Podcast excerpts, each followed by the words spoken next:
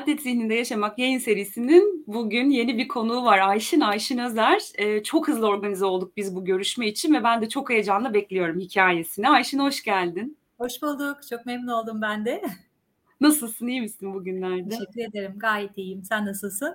Harika. Ben de iyiyim. Hoş geldin tekrar. Şimdi ben senin hikayeni biliyorum ama biraz dinleyicilerin duymasını da çok isterim. Çok kısacık Ayşin Özer kimdir, neler yapar anlatarak başlayalım mı? E, tamam, e, ben e, spor yapmayı ve spor yaptırmayı çok seven, hayatı böyle merakla ve tutkularıyla yaşayan bir kadınım. E, iktisat eğitimi aldım. Üniversite İktisat Fakültesinden mezun oldum. Arkasından işte master'ımı gene iktisat alanında yaptım. Pazarlama eğitimi aldım ve döndüm dolaştım. Okullar bitince işte e, borsacı olarak iş hayatına girdim. Bir müddet borsacı olarak çalıştıktan sonra e, üniversitede hep böyle hobilerim çok ön plandaydı. Dağcılık yapıyordum, kaya tırmanışı yapıyordum. E, outdoor sporlarını çok seviyordum. Borsacıyken de bankaya gidiyordum. Yatırım bankasına çalışıyordum o sırada cuma günü sırt çantamı alıp dağa gidip tırmanıp pazartesi işe dağdan geliyorum. Ki hani bir yatırım bankacısı için çok böyle e, radikal bir durumdu ama çok seviyordum dağlara gitmeyi. Böyle devam ederken e, bir müddet sonra e, kurumsal hayatı bir kenara bırakıp hani spor yapmayı ve başka insanları da yaptırmayı, motive etmeyi ve yaptırmayı çok sevdiğimi farkına varıp işimi biraz böyle spora kaydırdım. E, ve yaklaşık kaç yıldır um, Oğlum dünyaya geldiğinde bir 5 yaşın 4-5 yaşındayken de e, sporla ilgili işi yapmaya başladım ve şu an bir spor etkinlik ajansım var ve spor etkinlikleri tasarlıyorum ve yönetiyorum. Şahane. Çok da güzel şeyler yapıyorsun. Şimdi sen orayı böyle hızlı geçtin ama çok güzel bir hikaye var orada ve birçok insanın da içinden bir şeyler çıkartabileceği bir hikaye. Bir bankacılık, kurumsal hayat. Birden evet. biri olmamıştır o değil mi Ayşin? Dur ya ben bir dakika bu sabah uyandım da bankacılığı bıraktım. Böyle artık tutkun olduğum bir şey yapmaya devam edeyim'in arkasında eminim ki acılı kararlar, bir takım ya, düşünceler evet. vardır e, birçok insanın da zihninde olan böyle hani kurumsal hayatın dışına çıkmak demeyeyim ama ben ne yapıyorumu sorgulamak gündemde bir konu. Orayı biraz anlatsana bize ne oldu, nasıl oldu, nasıl fark ettin o misyonu? Evet, e, şimdi dediğim gibi ben bankacı, borsacı olarak iş hayatına girdiğim zaman yaptığım işi çok severek yapıyordum. Çünkü aldığım eğitimin sonunda en heyecanlı yerdeyim. Para hareket ediyor, para kazanıyorsun, kazandırıyorsun falan. Çok da heyecanlı bir dönemdi. Ama tabii her hafta sonu dağları ve outdoor'a kaçıyordum ve kendimi orada buluyordum. Bir müddet sonra oğlum da dünyaya geldikten sonra ben şu sorgulamaları yaptım. Ben gerçekten buraya ait miyim? Ruhum başka, yaptığım iş farklı. İkisi birbiriyle örtüşmediğini fark ettim. Ve o kadar söyledim ki hayır ben burada olmamalıyım. Gerçekten burada olursam e, kendimden vazgeçeceğim ve başka biri haline geleceğim. Ee, tam da dediğim gibi hani oğluma da vakit ayıramıyorum. Çok fazla böyle hayat akıyor gidiyor ve ben ne yapıyorum dedim ve bir durdum. İşten çıktım e, bir müddet oğlumla birlikte olacağım dedim. Onunla beraber vakit geçirdim ve sonra dedim ki yapmak istediğim tek şey mesai saatleri olmayan, özgür çalışım alanı olan, severek yapacağım işi yapmak istiyorum. O sırada arkadaşlarım da dediler ki biz de hani gel biz de kurumsal hayattaki tecrübeni bize aktar, gel bu işi büyütelim. Onlar da şirket çalışanlarına takım çalışması eğitimleri veren bir şirketleri vardı ve spor organizasyonları yapıyordu. Ben de o şirketin içine girdim ortak olarak ve biz değişik farklı spor organizasyonları yapar olduk. Çünkü diyorduk ki bu Türkiye'de yapılmıyor. Yapalım, aa yapalım niye olmasın falan diye hem biz yapmaktan keyif alıyoruz. Hem e, insanların bunun bir parçası olmasından çok mutlu oluyoruz. Böylece ben kurumsal hayattan çıktım. Evet bu karar vermek çok zor oldu.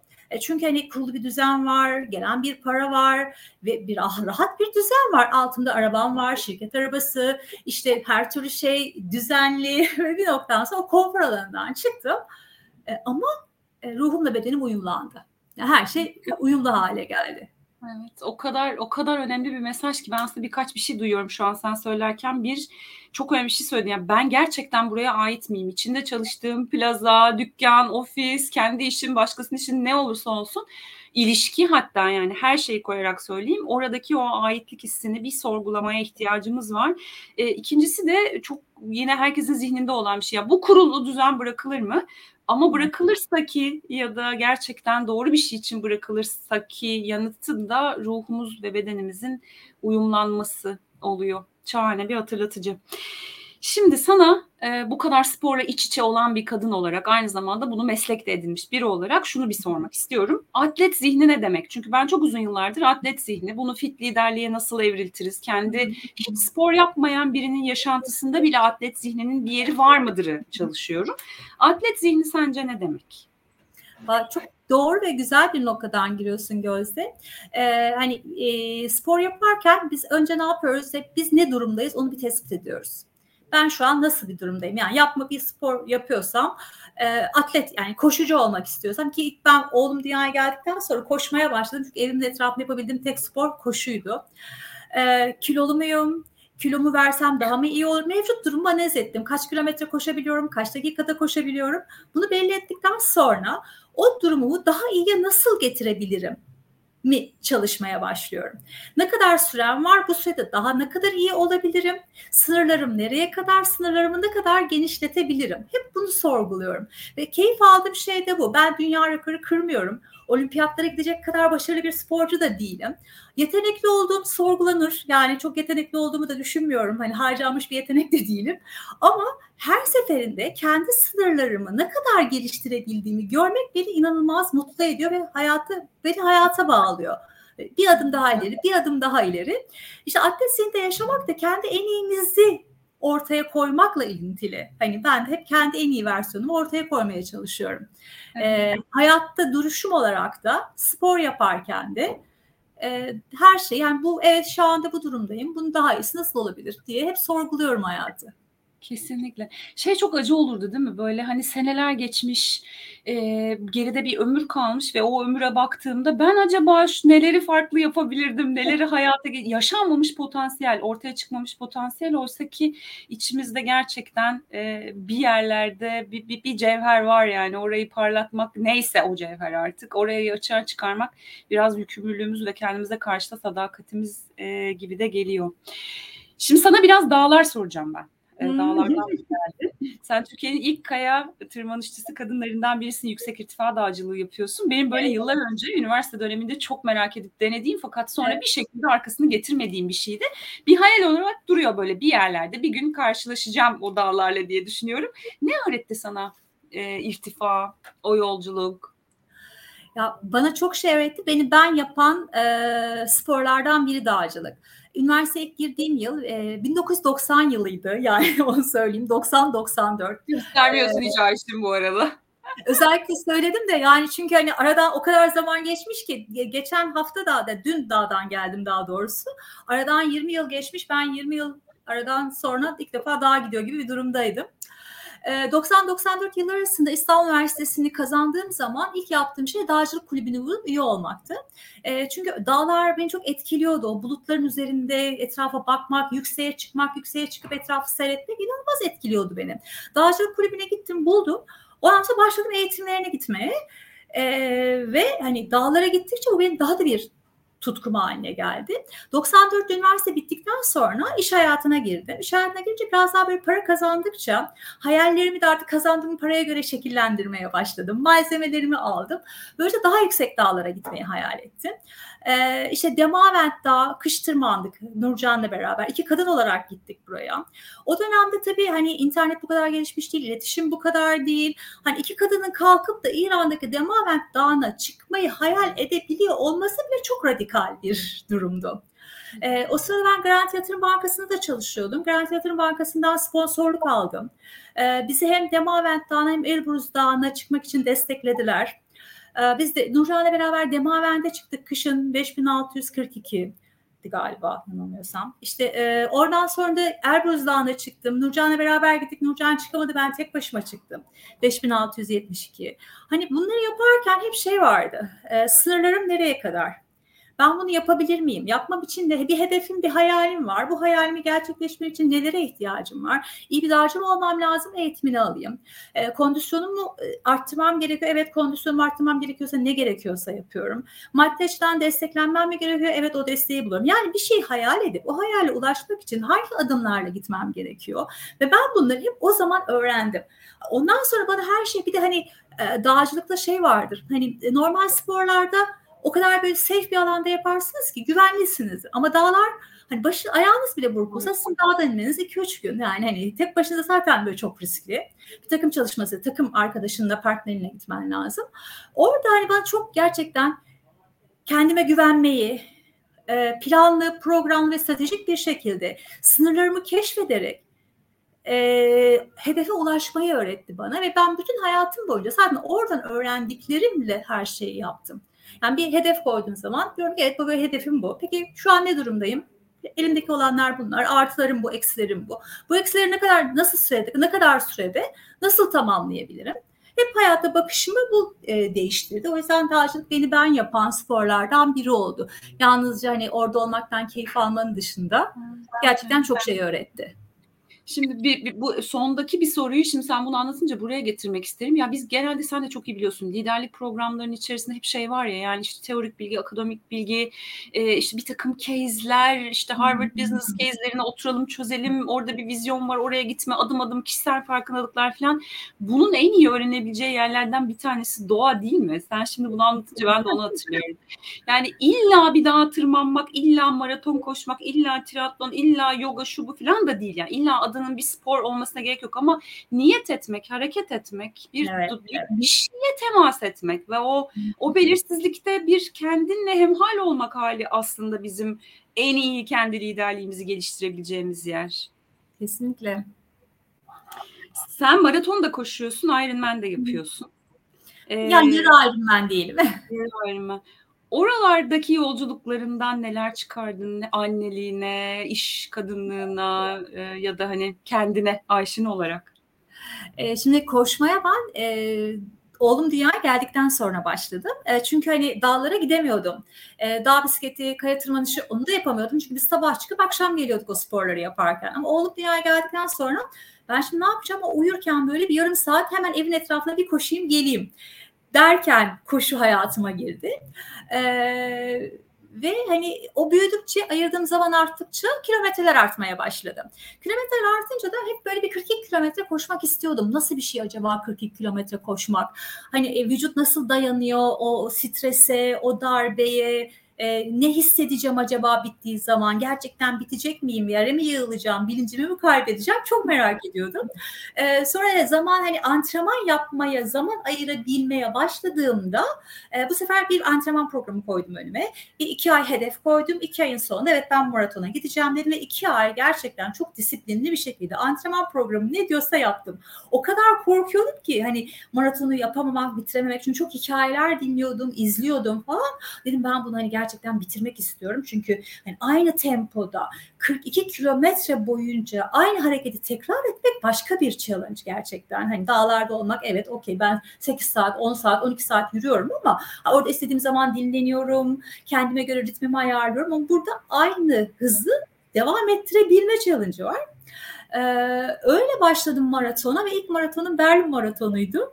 Orada koş bitirdikten sonra kendim böyle kahraman gibi hissediyordum. Ben başardım, başardım diye dolaşıyordum ortalıkta. E, maratondan sonra bisiklete binmeyi çok seviyordum. E, bisiklete binmek de yine oğluma ayırdım. Oğlumdan kalan zamanlar artınca bisiklet antrenmanlarını da sokmaya başladım. Bisikletteki keyif alıyorum falan ya diyorum ben yüzme bilmiyorum. 40 yaşıma yeni girmiştim. 40 yaşıma giren zaman dedim ki ya ben hani tamam suda gidebiliyorum ama hani stilli, düzgün böyle 750 metre yüzemiyordum ben. 25 metrelik havuzun yarısına gidip durup dinleniyordum. Ee, dedim bu, bu yaşıma kendime hediye olarak yüzme öğrenmeyi yapacağım ve ben oturdum yüzmeyi öğrenmeye başladım. İşte videoları izliyorum, diriller yapıyorum, havuza gidiyorum, ders alıyorum falan derken 750 metre yüzmeyi başardığım anda ilk triatlonuma girdim. Ee, sprint triatlondan sonra olimpik olimpikten sonra yarı Ironman mesafesi hayatıma girdi. Ama hep bunlar tabii oğlum okula başladı. O büyüyor. O büyüyecek ben daha fazla kilometreler yapacağım derken derken ilerledi. Şimdi 18 yaşına geldi. Ben de diyorum ki evet benim full Ironman yapma vaktim gelmiş. Kesinlikle ben de birazcık büyümesini bekliyorum. Benimki henüz iki buçuk yaşında olduğu için çok sen artık ya o kadar iyi anladım ve anladığımı düşünüyorum. Yani bağ kurdum kendi hikayemle. Benimkinde de bisikleti sonradan öğrenerek e, başlama var işte 30'undan sonra. Ya sen konuşurken de hep her dediğinden şöyle bir şey de duyuyorum e, Ayşin bir yandan. Bir meselen var kendinle ilgili. Yani bir şey var ya. Bir şey, bu, bu böyle hani e, illa bir şey başarayım falan o, öyle değil. Yani ben ben sınır görmek istiyorum. Nereye kadar gidebildiğimi görmek istiyorum. Evet, evet. Denemek istiyorum. Cebime bir deneyim koymak istiyorum hikayesi gibi duyuyorum. Ve bunun çok büyük bir zenginliği var hayatlarımızda. Şimdi yine kurumsal hayata döneceğim. Böyle işte koçluklarda, eğitimlerde e, tanıştığım kişilerin çoğunlukla söylediği şey ya ne benim meselem. Hani ben neyi ben, ben bir şeye tutku duymuyorum yani. Bu ya. bence bir davet. E, ut mu çalmaktır, ne bileyim gitar mı çalmaktır, çok iyi ütü mü yapmaktır. Gerçekten bunun adı, adı önemli değil. Ama bizim bu hayatta akıl sağlığımızı korumak için tutkuyla e, bir şeyleri istemeye ihtiyacımız var. Kesinlikle. Yani çünkü oradan yaşama tutunuyorum. Yani oğluma hep onu söylüyorum. Hep yani e, diyorum ki yani sporcu olmak zorunda değilsin. Ama bir hobin olsun. Tutkuyla yapacağın, kendini orada var edeceğin ve iyi hissedeceğin, onu yaparken kendi iyi hissedeceğin bir hobin olsun diye. Onunla da böyle hani çok konuşuyoruz bu konuları. Ben çok şanslı hissediyorum kendimi. Çünkü gerçekten kendimi iyi hissedebileceğim, tutkuyla yapabileceğim e, şey spor. Yani spor derken illa hani Ironman değil, illa triatlon değil. Ben hepsini çok merak ediyorum. Hani bir gün e, işte hayatımdan dağcılık çıktı. O günün şartlarında bunu yapamıyordum. Koşu girdi. E, koşuya triatlon girdi. Triatlon çıkar başka bir şey girer. Ama önemli olan hani benim orada gerçekten onu öğrenme sürecinden de keyif alıyorum. Devinime yani, devam etmek yani. Evet. Yani çünkü bedenime yeni bir şey öğretiyorum. Geçen işte kürek küreye başladım işte bir ay önce. Oradaki hoca da sordu yani neden hani benim bedenime yeni bir şey öğretmeyi seviyorum. Hani farklı bir deneyim kazanıyorum orada. Ee, ve onu sadece yapmak değil. Eğer keyif alıyorsam en iyisini yapmak. Nereye kadar daha yapabilirim onu görmek de istiyorum. O da çok keyif veriyor bana. Yani benim derdim sınırlarımı keşfetmekte. Evet kesinlikle. Sinan Canan'ın bir kitabını okuyordum Beden diye. Daha yeni şey yazmış yani bir müşkülle karşılaştığımızda gelişiyoruz. E, bu bence bizi duygusal zorluklara karşı da çok hazırlayan bir şey. Yani kesinlikle. bedenim sağlıklı, bedenim kendi merkezinde, bedenim dengede olduğunda e, dışarıdan gelen o duygusal çalkantılar, işte zihnin oyunları oraya da evet. daha çabuk, daha stabil cevaplar verebilmek mümkün hale geliyor o zaman. Kesinlikle. Ee, şimdi hem anne hem iş insanı hem e, hayatında hep spor olan biri olarak bana bana çok sorulan bir soruyu sana soracağım. Hı-hı. Ben ilk hamile olduğumu öğrendiğimde e, işte ilk 70.3 Ironman mesafesini tamamlamıştım. İşte maraton koşmuştum. Bana dediler ki ya bırakırsın artık yani hani bir haddini bil yani. Gerçekten bunu duydum. E, çok daha da hırslandım. Bırakmayacağım yani ben çocuğumun hayatında spor olan bir anne görmesini istiyorum falan. Evet. E, ve dengeyi kurmakta çok zorlandığım da oldu ama yaptığımı düşünüyorum. E, ama öyle ama böyle. Sen Hı-hı. nasıl beceriyorsun? Sen neler yapıyorsun? Ee, ben mükemmel olma halinden çıktım. Yani mükemmel bir anne olmadım. Mükemmel bir sporcu olmadım. Belki çok iyi bir çalışan da ve şey de olmadım. Ama hepsini dengeye sokmaya çalıştım. Yani e, ben böyle biriyim. Oğlumun belki daha farklı, şefkatli veya ona daha çok ilgi gösteren bir annesi de olabilirdi. Ama ben öyle biri değilim.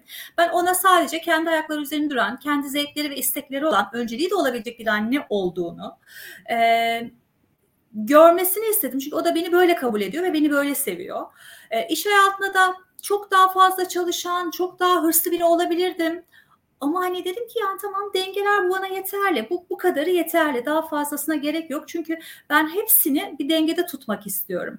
Ben iyi bir anne, olabildiğim kadar iyi bir anne, olabildiğim kadar iyi bir sporcu, olabildiği kadar da iyi bir e, iş hayatında olan birisi olmayı tercih ettim.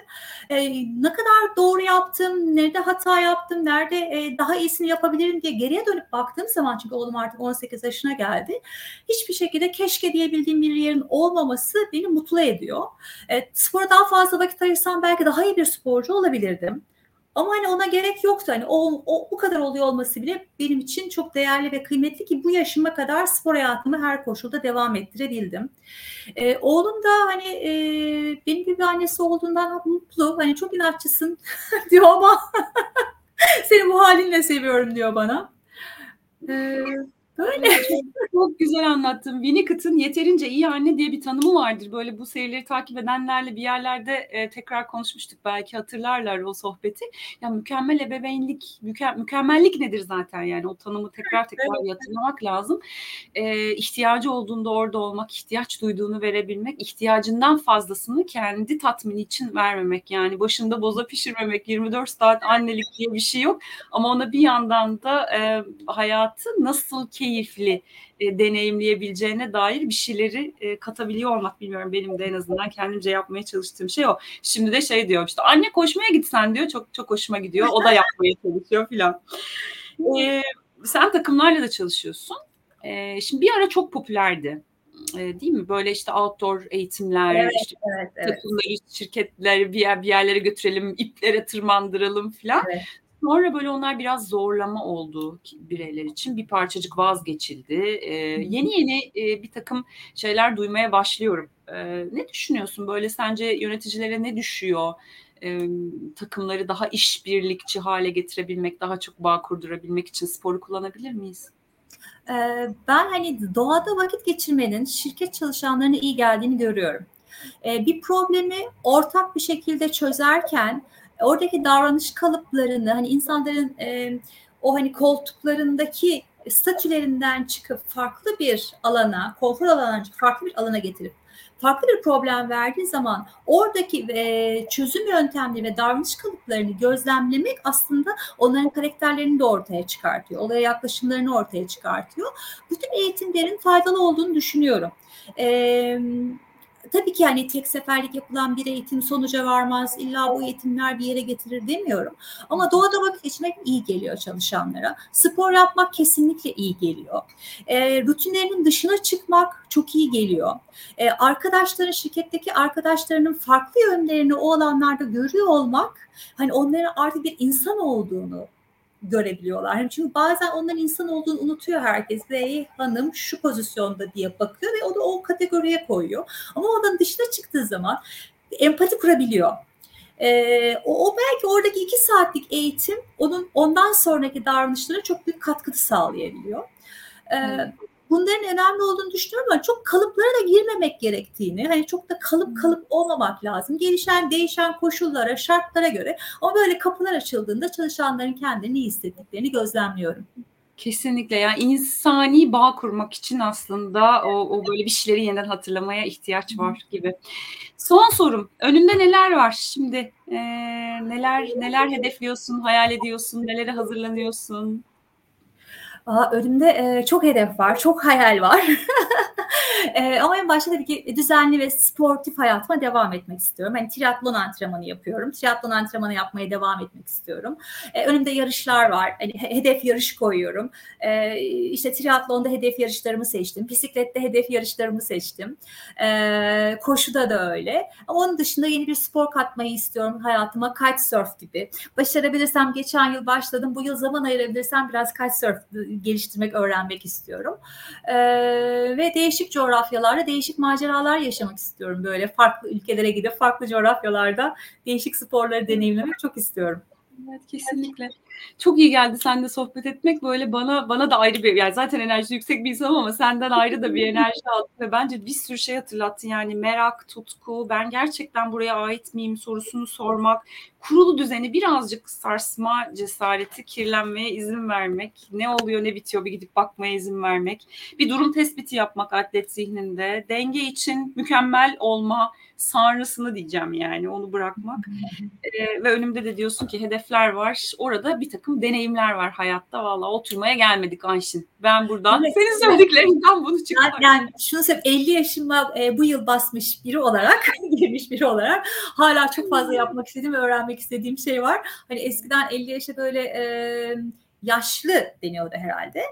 E, şimdi ben canım. diyorum ki hani e, yaş insanın zihnindedir. Yani oradaki sadece bir numara. Eğer meraklarımı ve heyecanlarımı yitirirsem o zaman hani yaşamla bağımı kopartıp bir kenarda hani yaşlı olarak dururum ama öyle bir şey yok artık.